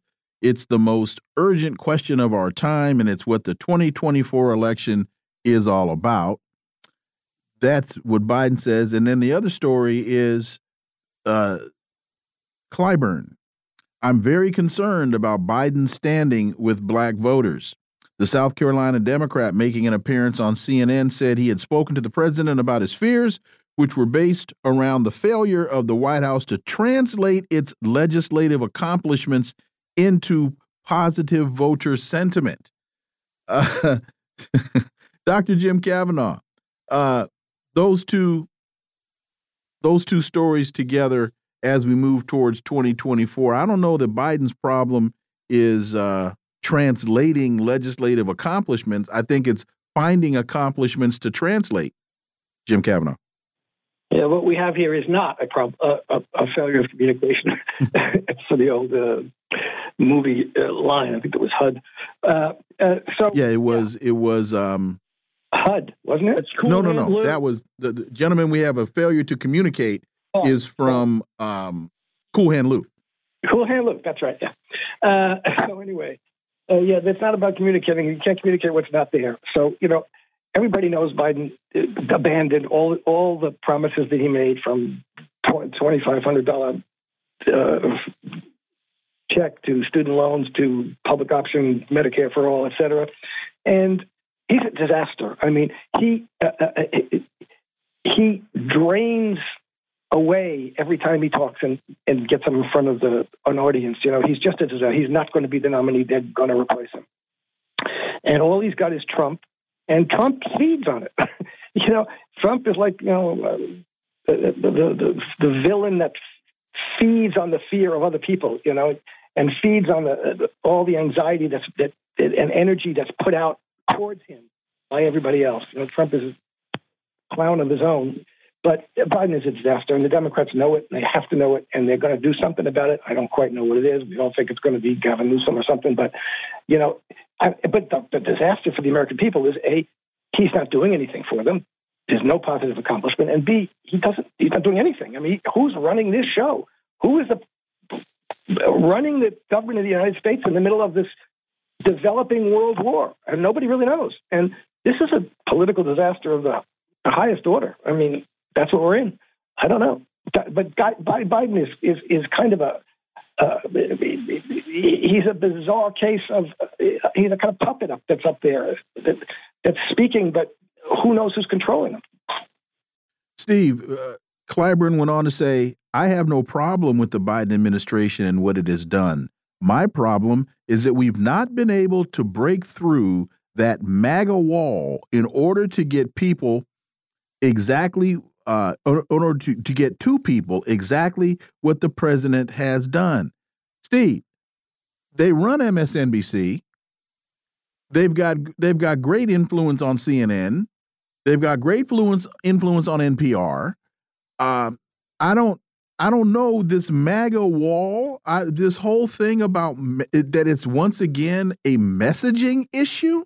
Uh, I don't know if Clyburn drinks, but man, he's he must be drinking because it's Steve. Uh, Clyburn is proving that he's a professional politician. The, he's just trying to do his job. He's just trying to sell his candidate, and he knows he's lying through his teeth. Biden has no connection with black voters because he's done horrible things to the black community for his entire career. He's failing in the polls because he's almost falling asleep up there. When he is able to complete a sentence, he's yelling at people and pointing his finger at people and doing all the things you're not supposed to do in some sort of demented, unhinged ramble. Joe Biden can't be the nominee. All of these people know it to try and make everything about Donald Trump correct. You, you were correct, Jim. Trump just feeds off of it. I think it's hilarious that Jim likened Donald Trump to the nothing in the never ending story. I don't think I want to give him that much credit. Uh, but he does, he thrives on the negative criticism because, again, this is a World Wrestling Hall of Fame pretend bad guy.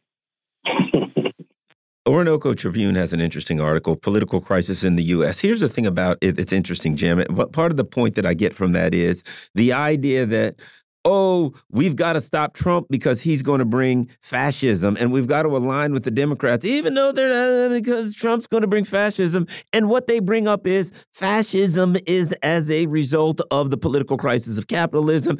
A person doesn't bring fascism in, it's a set of circumstances and dynamics that create a circumstance where, or an environment where fascism can grow. But your thoughts on that?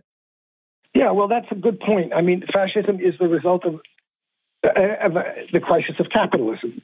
Uh, you know, but there's an element of it that that that is funny in this situation because the fascism in the 1930s was the result of the crisis of capitalism, and which which gave rise to a militant socialist, communist, working class movement.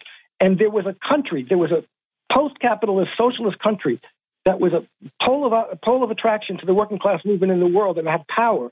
So the, the, the capitalists had to turn to fascist parties because they had to defeat a, a socialist working class movement at home and they had to defeat the Bolshevik the uh, revolution, you know, uh, the, the, the, the, Soviet Union.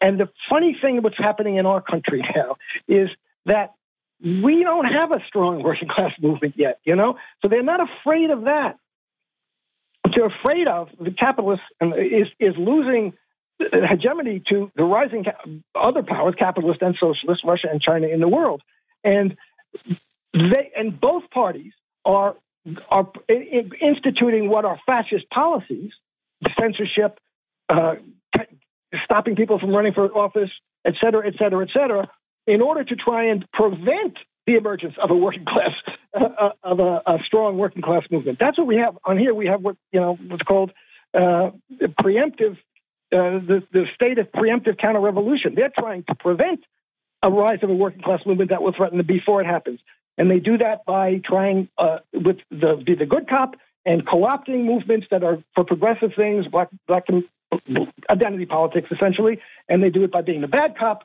by creating censorship policies and, and, repressive policies and putting people in jail for 20 years for having a demonstration, etc. And those people who are, that's all being done under the banner of anti-fascism because they put Trump out there as, as the emblem, emblem of fascism, when the fascism is really, distri- the fascist impulses are distributed among the, the both ruling class parties.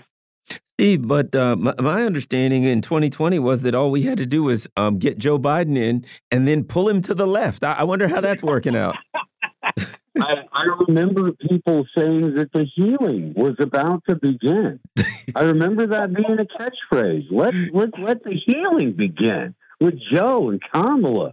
while inflation runs rampant and your eggs are $12 for a dozen. And oh, now we're in more wars. And oh, by the way, we're giving everyone all of your money. And oh, by the way, you need three or four jobs minimum to pay rent in California. That's all right. That's okay because we're healing and nobody has to see a mean tweet, you guys. Don't you feel better? We're we're done with the mean tweets. We're on to the live stream to genocide. This is clearly progress. Yeah, it, we could debate all day about which way it's progressing, but it's undeniably progress, and that makes Joe Biden the most progressive president that we've ever had. Why can't the U.S. find enough troops to feed its imperial ambitions? The American military is facing a drop in recruitment and risks getting spread too thin in its drive to dominate the globe. Your thoughts, Jim Kavanagh and Garland and I, probably a month or maybe a month and a half ago, uh, did a we we talked about a story that a, a report from the Department of Defense that they were failing their recruitment goals or objectives because the American high school kids that they're going after, they were too fat, they had drug related issues. Hunter Biden. Uh, huh? The, the, yeah, Hunter Biden. They had drug related issues, and and uh, they couldn't pass the academic standards. Hunter Biden. Oh, sorry about that. oh, not a problem. Not a problem. Uh, so, why the U.S. can't find enough troops to feed its imperial ambitions, Jim Kavanagh? Yeah, I don't want to downplay what you're saying. The, the, the state of health and uh, of American young people and people in general is something that needs to be dealt with. It's a disaster, and that's part of the problem, definitely. But you know, people just what, they, what nobody has any political commitment to anything. What are they committing themselves politically for? They're going to go to war on behalf of Israeli genocide. As I said, there were a million people in the streets of Yemen yesterday, and they already they're going to go to war. They're ready. They're committed to something, as you say, religious, ethical. It's they, they consider it a matter of principle to support the Palestinians and prevent the genocide. American kids support, think that it's a matter of principle to go to war against these million Yemenis and everybody else in the world in order to protect Israeli genocide? No, they don't. There's no political uh, uh, commitment here to anything, and there's there's a reason for that. They're not getting anything from the political order that's asking them to give to risk their lives for them. So it's not gonna it's not gonna happen. it's gonna be we may end up having to have conscription again. I wouldn't be surprised at all if we get into a wider war. And uh, that's my answer. There's no possibility. There's no political commitment, and there's no real prospect that there will be. And Steve Poikonen, to to to Jim's point, uh, Gil Scott Heron once said, "Ask them, ask them what they're fighting for, and they'll never tell you the economics of war." And so, a lot of folks look at this and say, to to Jim's point, uh, "What do I get out of it? What's in it for me?" And you know, the the the the, days of wrapping yourself in the flag and all of that, uh, that's that's on the wane. And so, other than I need a job What's the what's the upside?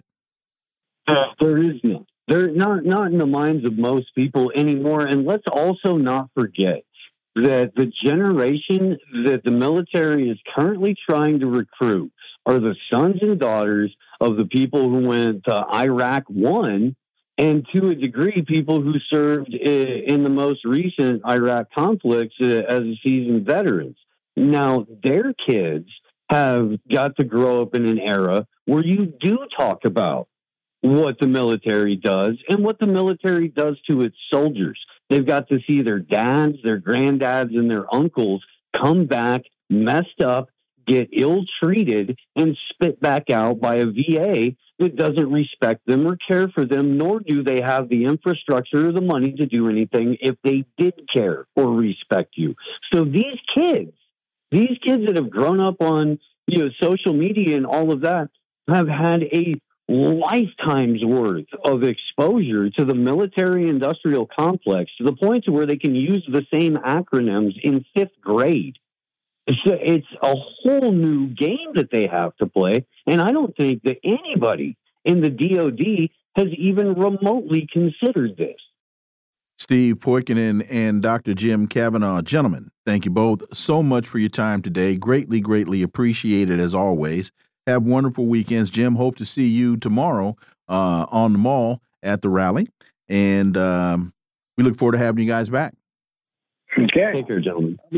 Bye bye.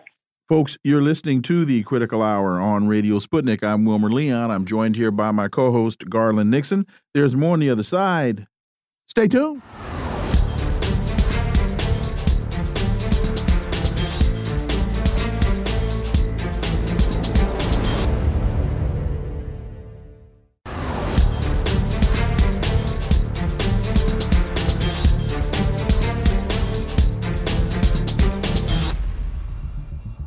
We are back, and you're listening to the Critical Hour on Radio Sputnik. I'm Wilmer Leon, joined here by my co host, Garland Nixon. Thank you, Wilmer. Consortium News reports Israel dismisses genocidal intent as random assertions. A barrister for Israel argued that Israeli Prime Minister and cabinet members' statements of intent to commit genocide were mere random assertions, and he instead accused South Africa of complicity in the genocide. For insight into this, let's turn to our next guests. Yes, it's Friday. Time for our second panel. We're joined by a member of the coordinating committee of the Black Alliance for Peace, member of the Black Working Class Centered Ujamaa People's Progress Party in Maryland, founder of Liberation Through Reading, and co editor of the revolutionary African blog Hood Communist, Erica Caines. As always, Erica, welcome back. Thank you for having me. We're also joined by the host of Voices with Vision on WPFW 89.3 in Washington, a Pan Africanist internationalist organizer and a member of the Black Alliance for Peace, Netfa Freeman. Brother Netfa, as always, welcome back. Thank you for having me too. Always good to be here. So, Erica, we'll start with you. In its defense against allegations by South Africa that it is committing genocide in Gaza, a British barrister arguing at the World Court today for Israel downplayed numerous statements by senior Israeli officials of genocidal intent against Palestinians as mere random assertions that prove nothing. Erica, I think when somebody tells you what they're about, when somebody tells you why they're doing what they're doing, you might want to listen to them. Erica Caines. Exactly. Um, in the filing that uh, South Africa had made um, for the case for the ICJ, they had noted in the numerous pages of statements uh, that the deputy mayor of Jerusalem on October 17th said that if the prime minister Netanyahu and his ministers cared about the state of Israel, there would already be 150,000 dead in the Gaza Strip, and not even a single building would be standing in the Strip. And that's a direct quote. Um, since that statement, because that was in October, there is a reported 200,000 plus deaths. So this sort of um, this sort of uh, language about random assertions is just a, a, part and parcel of the psychop- yeah, the psychopathy and the arrogance um, that's coming out of Israel. Uh, Israel's entire counter is dependent on on dating this from October 7th and just staying right there. So all justifications for the 200 plus dead thus far in the months of the genocidal attacks on Gaza and even in the West Bank is dependent upon Israel making a case that Palestinian people deserve it. So they're, um, you know, they're calling anyone who disagrees um, either Hamas or having affiliation with Hamas. Um, if not Hamas, then anti-Semitic uh, to boot, right? And they're also with these calls for genocide we're seeing and hearing and reading are followed by real action. So it's not like they're just random assertions. It's being carried and followed out. So these are, you know, just frustrations. But I mean, the, the closing arguments made were essentially just trust us right? So the IOF is still posting videos of them in schools that they've blown up or rummaging through the homes of the families that they killed. And much of this case is hinged on a real battle of ideas. And I think that that's really important because that has a material impact. So the question of what is and isn't a genocide in the last months has brought us to this point because it's sharpening conditions, um, it's sharpening the contradictions. So we're seeing this not only what, what is genocide, but what is and isn't fascism and what isn't isn't colonialism, and who defines what these terms are matters. And this ICJ case is just pushing that to the forefront, um, and you know, pushing the question of to what end does it matter? You you know, uh, Netfa. First of all, that area is called the occupied territory. I mean, international. That's how it's internationally recognized and referred to. Even though the Zionist government has been doing an awful lot to change that designation, it is still internationally recognized as the occupied territory. The other thing is, I really had to start to laugh. I was, first of all, I was shocked that Israeli representatives appeared at the court. And when you listen to what the, I was expecting somebody to say, oh, you misinterpreted that. Oh, no, that was never said. Oh, no, you got it wrong. They went ahead and said, yeah, we, we said it, but oh, th those are just random assertions by the prime minister. Those are just random assertions by the president of the country. Oh, those are just random assertions by the director of our defense and our military, uh, not just some, you know, some random Israeli uh, uh in, in a kibbutz, Netfa. Mm -hmm. Yeah, I mean, I guess that they're so used to impunity at this point, and I'm talking about not just is the state of Israel, but all the the Western imperialist countries, particularly the settler colonies and the main settler colonial power, the United States. And then people, we all have to remember that they have fostered and created a, the normalization of settler colonial states. So this is what Israel is doing right now, uh, albeit it's just it's a modern uh, right now and it's using all forms of sophisticated weaponry that may not have uh, existed in the times of the establishment of the United States or or Canada or Australia or all those. But this is exactly the same thing, essentially the same thing that they that was done to the indigenous peoples of these other lands to establish these nations. It's the same thing, you know, and it's how these nations were created. And so at some point, Israel is, has been able to emerge under the protection of these groups um, to also believe it, the impunity that it, it has enjoyed or, or, you know benefited from all this was uh, was going to continue and could continue unscathed. But they haven't taken into account the emergence of the colonized people, you know, the the global south that has been f- fostering ways and looking for ways to push back against the hegemony and the full spectrum dominance of the West, of which Israel is really just a, a part of, as an extension of, or we could say an outpost of in the Middle East ever since uh, it was established 75 years ago. And so they can say those things, and that's been their trick. Is oh, we're you know it's it's uh it's not um it's almost how they do corporations. And corporation and the, and under law was created so no one individual could be held accountable, or at least even really more not this not to just protect individuals, but to protect the the structure that has gone on. So in other words, to protect Israel, you create some sort of uh, situation where you can say, well, that's an individual thing, and it's not the the grand structure shouldn't be held accountable to it, and that's just how the United States does and everything. So, um, um, what we have to realize, and this is what they have, uh, why they're so concerned. When you said that you were surprised, some of them even came to the uh, came to the hearing and to argue. They had to. The the ICJ, the International Crim- Court of Justice, which is different from the International Criminal Court, actually does hold a specific amount of power that has just never been applied yet. They were su- really surprised, and it took some time to have South Africa to step up with the courage that it did and make this filing. It's actually a, a, a tight filing, and they can only do what what you call the the barrister was doing only what defense lawyers do. Whenever even whenever they don't have a case, they have to say, "Well, my my client is innocent." And all those things that you see are, are you know the other, and they kind of point try to point the finger at the at the victim or something like that. That's, that's all they can do. But they know there's an airtight case there. This is a very strong. If anyone could look at the case that they filed, it's about 84 pages on the ICJ uh, international uh, on the website.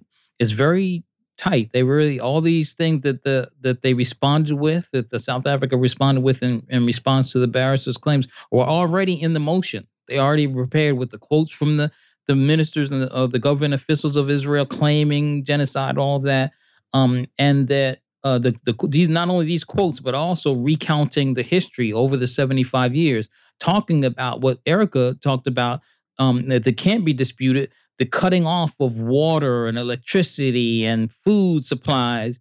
Um, those kind of things are there. You can't argue about them. The un, unequivocal uh, attempts to commit genocide against the the people in Gaza, but also to wipe out all the rest of uh, you know the control of Palestine, which they're talk, they're talking about. What happens? Who? How do we control? Take over Gaza now after they're talking about post Gaza. You know they anticipate being able to wipe it off. So they don't really have a case. They can't argue. They get they argue against what has been filed against them, but they will have to try to argue it. Just like when you go to court, you you know unless you plead guilty and take a sentence, um, and just take you know you have to actually try to argue something. Now, one thing that we'll mention, and uh, there has been a number of organizations of which the Black Alliance for Peace is one of them. So with the International Criminal Court, is it's um it is uh for these types of things with a particular convention, uh, the convention, the genocide, the Convention Against Genocide.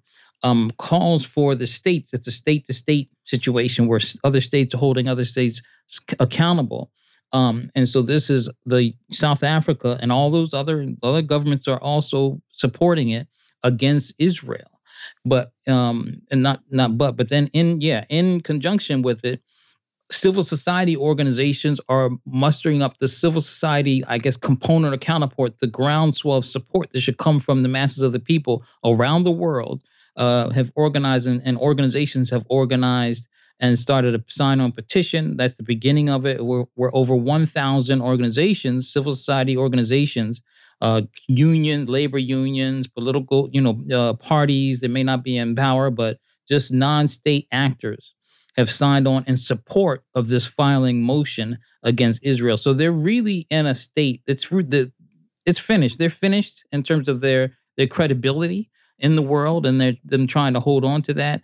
Um, and but they can all they can do is just go through the motions of holding on to. It. But they know now that there's no more pretending that Israel is this victim against um, a swath of of uh, vague en- enemies, devils that want to undermine it. You know, Garland, the only thing that the barrister didn't say was, Your Honor, my client is innocent, but I promise you, he'll never do it again. Right? Yeah, my client, my client didn't commit the crime, and if he did, it was self defense. Right? Uh, Erica, We've been talking about the puppets. Let's talk about the puppeteers because clearly Israel could not do this without the United States. And as we know, at one time, a president, they were building settlements, and a president said, stop building it. And they stopped. At one time during Reagan, they were bombing, and Reagan said, stop bombing, and they bombed. We know that the United States has the wherewithal to stop Israel, but they won't. The U.S. and U.K. militaries launched strikes against Houthi targets in Houthi controlled areas on Yemen Thursday. And CNN says, marking a significant response after the Biden administration and allies warned that the Iran backed mil militant group would bear the consequences of its attacks on commercial shipping. And the fact of the matter is, they did not randomly go after commercial shipping. Whether you agree with it or not, it was specifically targeted at ships doing business with with Israel. But the bottom line is, the president of the United States violated the Constitution again because he has to go to Congress before he does anything like that. At any rate, your thoughts, Erica? Yeah, well, I have a few thoughts. Um, I think it's very interesting that Biden uh, is able to keep getting away with um, not getting any congressional approval because if we recall, um, I believe it was 2020 when um, Trump did the same thing. Biden was very vocal about the lack of congressional approval. So here we are now. And then what's even more interesting is that we have Trump now on the flip end talking about how Biden is is going around doing whatever he wants. So this is just the game that we see both parties are playing.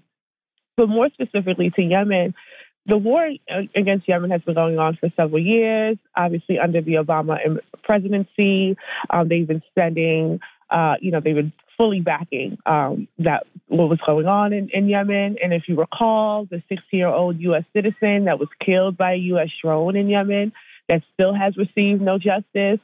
Um, so this has been, I guess, the conditions of what's been going on. Most recently, Iran and Saudi Arabia brokered a deal that China facilitated uh, to end um, backing this war on, on, Yemen that Saudi was helping alongside the French and the U.S. engage in. Um, so Yemen has consistently like been bombed by three consecutive U.S. presidents. So Biden is really only just taking up the mantle, uh, really at this point. But um, more. Oh, wait a minute! Wait a minute! Wait a minute, Erica. Yeah, to, to, to that to that point, uh, the Saudis and the and the Yemenis or the and the Houthis they came to a pre to a peace agreement, mm -hmm. and the Biden administration stepped in, and this was just what two weeks ago, stepped in and said, under no circumstance will we allow. They're talking to the Saudis. Will we allow you to do this? We will redesignate uh, Ansar Allah as a terrorist organization, therefore prohibiting you, Saudi Arabia, uh, from engaging in any action with them under the threat of U.S. sanction. Mm -hmm. That was just two weeks ago. Right. And that was, what was it, uh, uh, last week when the U.S. was actually droning uh, ships that belong to Yemen. So you can see it's been a lot of attempts to punish Yemen for standing um, alongside Gaza.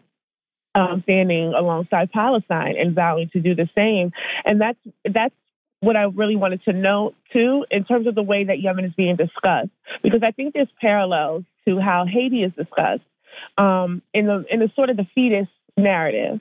We're hearing that um, the U.S. and the UK are bombing the poorest nation, quote unquote, right, in the region, but we don't hear about the resilience or the liberatory spirit of this nation. Like, again, Yemen has been through this war for several years. The nation has been pummeled, you know, there's been catastrophes, there's been casualties, and still, Yemen took such a major critical role, material role in defense of Gaza um, as the quote unquote poorest nation. So we don't hear about that. We don't hear about the leadership saying that they will quicker turn to particles in the dust than abandon Gaza.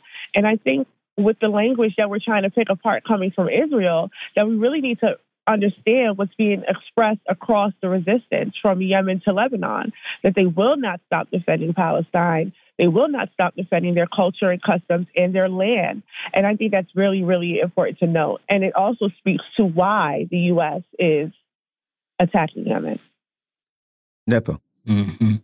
Right. I mean, and then also what I think is important for us to understand is that Yemen, this this is a big, it was a big step for Yemen to step up and defend and use it, you know, put itself, make itself vulnerable to defend and call for the defense of the Palestinian people. And you know, even though it had was what was going on, it had its own challenges with the West and and was going to incur this sort of this uh, increased ire. But I mean, they they had to know it.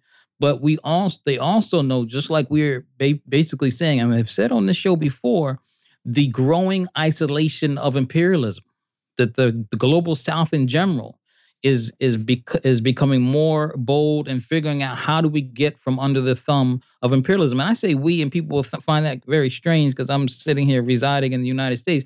But the colonized, those who are you know under the thumb of colonialism in the United States, we are internal colony, and we should see ourselves an extension as an extension of the global South.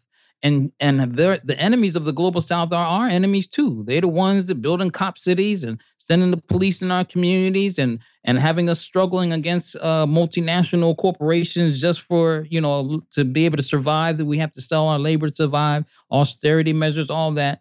And so we actually are and then the racism and not to mention the racism just in white supremacy within the united states you know um, so we are really a part of the global south and we should see it. And but, but back to the point is that Yemen is also seeing the growing isolation. The United States, with these steps by uh, Yemen, um, also realized this is a it's hitting them at a uh, and critical point. These uh, the sea area, the choke point, and the and the the route, the trade routes in the sea between the the Red Sea and is the Gulf of Aden and all of that area. The, and so that these are very important for them. This is imperialism. This is how they maintain their hegemony and trade around the world. And so it's very critical for them the they they're for them to deter this.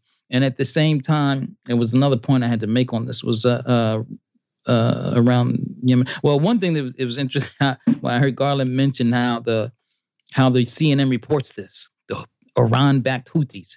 They always they have to kind of do that. The media always refer to mm-hmm. uh, the Houthis in Yemen as the Iran-backed, or just even Yemen, the Houthis, and not Yemen, but the Iran-backed Houthis. And what about the U.S.-backed Nazis in Ukraine or the U.S.-backed colonial Zionist Israel? They don't, you know, it shows how they try to make uh, things appear objective, try, try to set an objective tone to things that are really subjective and are biased. And in this strike, these strikes against Yemen, we will notice who, who's involved. It's all the settler colonialists. It's in the interest of Israel, U.S., the United Kingdom is the mother country of these settler colonies. Australia and Canada were part of this.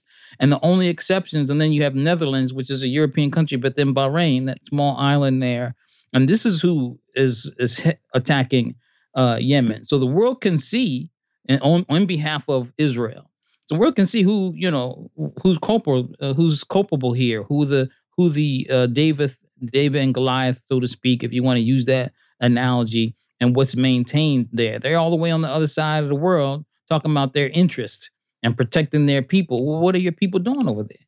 trying to maintain, you know, hegemony and, and control of resources and whatnot and waterways. And let, let's uh, combine uh, two stories here. One, uh, both from Black Agenda Report, ban the war criminals from King Day celebrations, and uh, that that story it basically is speaking to the hypocrisy that we will experience over this weekend and, and on Monday, as a lot of as the Hakeem Jeffries of the world and the and the Kamala Harrises of the world go to these King Day celebrations to commemorate uh, the message and the life and the sacrifice of one of, if not the greatest American, Dr. King. Uh, I would ask folks at those events to ask those participants a very simple question How can you stand before us celebrating the legacy of Dr. King and you vote to send our tax dollars to support genocide in Gaza. and not and Nazis at the same time. Oh, and, and Nazis. What oh, kind yeah. of a contradiction is that? Yeah, I forgot about the Nazis. I always forget about the Nazis. uh, so that's that's one story.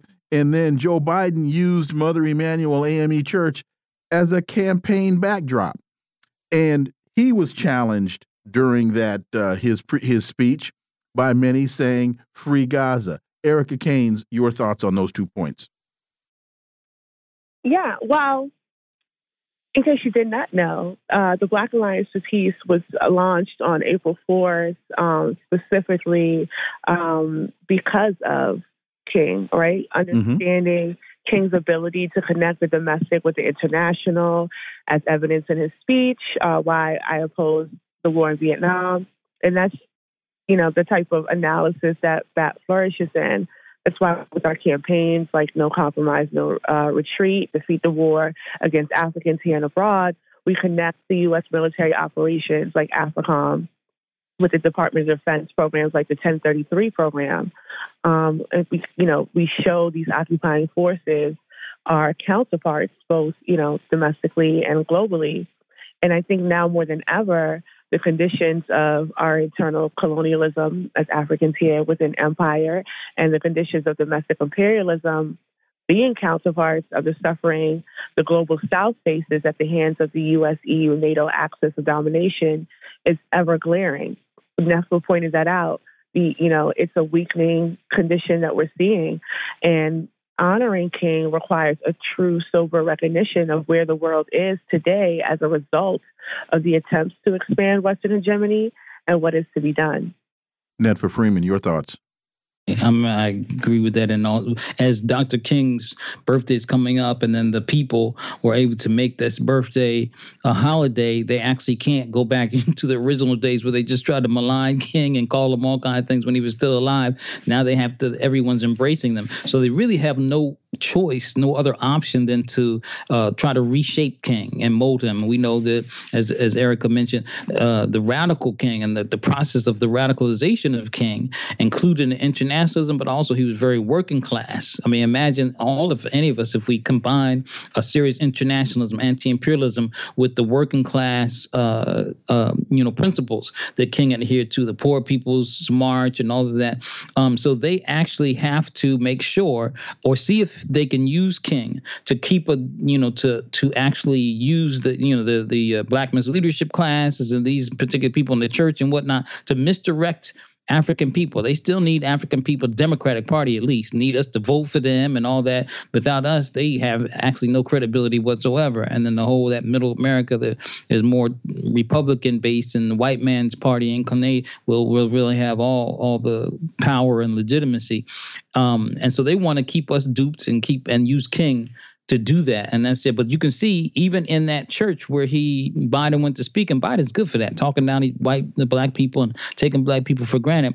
But it was the people that came in there and protested, and then you just have the more uh, the other elite Africans who had to come back and what were they chanting more four, four more years. years. for Biden. Four more years. And, and but but you know those are the ones that don't represent our interests. They're okay with you know the, the where the America where the America's going. They're okay with reshaping King's legacy, um, and they're okay with serving being serving as a buffer class between us, uh, the, the people, and um and the the uh, capitalist imperialism. And Erica, we've only got a few minutes left, but if you also look in that one minute, oh, I'll make it quick. If you if you if you look in that church, you'll see the, there's an age thing that a lot of the older black people are still, you know, living off of fear. But a lot of young black people are like, oh no, we've had enough of this. Uh, uh, elect right. Joe Biden and pull him to the left foolishness. Erica, we got got about one thirty minute. seconds. Yeah, minute. Yeah, no, I would I would just say more so than age. I think there is a class distinction that we note, um, and I think it was noted even in the the piece that the interview that Marcus had. When we see, you know, it just highlights the dialectics of religion, right? Um, that it's ever changing. There's a both positive and negative, and I think you've seen that in that instance in the church, where we know that you know the church has a historical background with supporting Black liberation movements, but what the optics and, and what occurred in that church was a class contradiction. It was not the regular typical contra- um, congregation. It was, you know, the black elites. It was black politicians that made up that church. And those are the people that were screaming for more years and not the congregation that was in solidarity. Uh, from the looks of Joe Biden, I don't know if he's got four more years. He sure don't look like it to me. Nah, me he might have four more days. I agree with you. I agree with you. Erica Caines and Netfa Freeman, thank you both so much as always. Greatly, greatly appreciate that analysis, and we look forward to having you back. Thank you. Thank you. And you know, Garland, as folks want to wrap themselves in the I Have a Dream speech, they might actually want to read it and realize that the first part of that speech was a condemnation of the United States and the reason Dr. King had to express it in the context of a dream was because the reality is a horrific nightmare. Oh, sorry, uh, Wilmer. I'm yelling four more wars. I mean, four oh, more years. Okay. hey, folks, you've been listening to the Critical Hour here on Radio Sputnik. Thank you for allowing our voices into your space. On behalf of myself and my co-host Garland Nixon, we hope you were informed and enlightened. We look forward to talking with you all right here next week on Radio Sputnik. Go to the rally if you can. Saturday, 1 p.m the the the the, the Lincoln Memorial. Be safe, peace and blessings. We're out.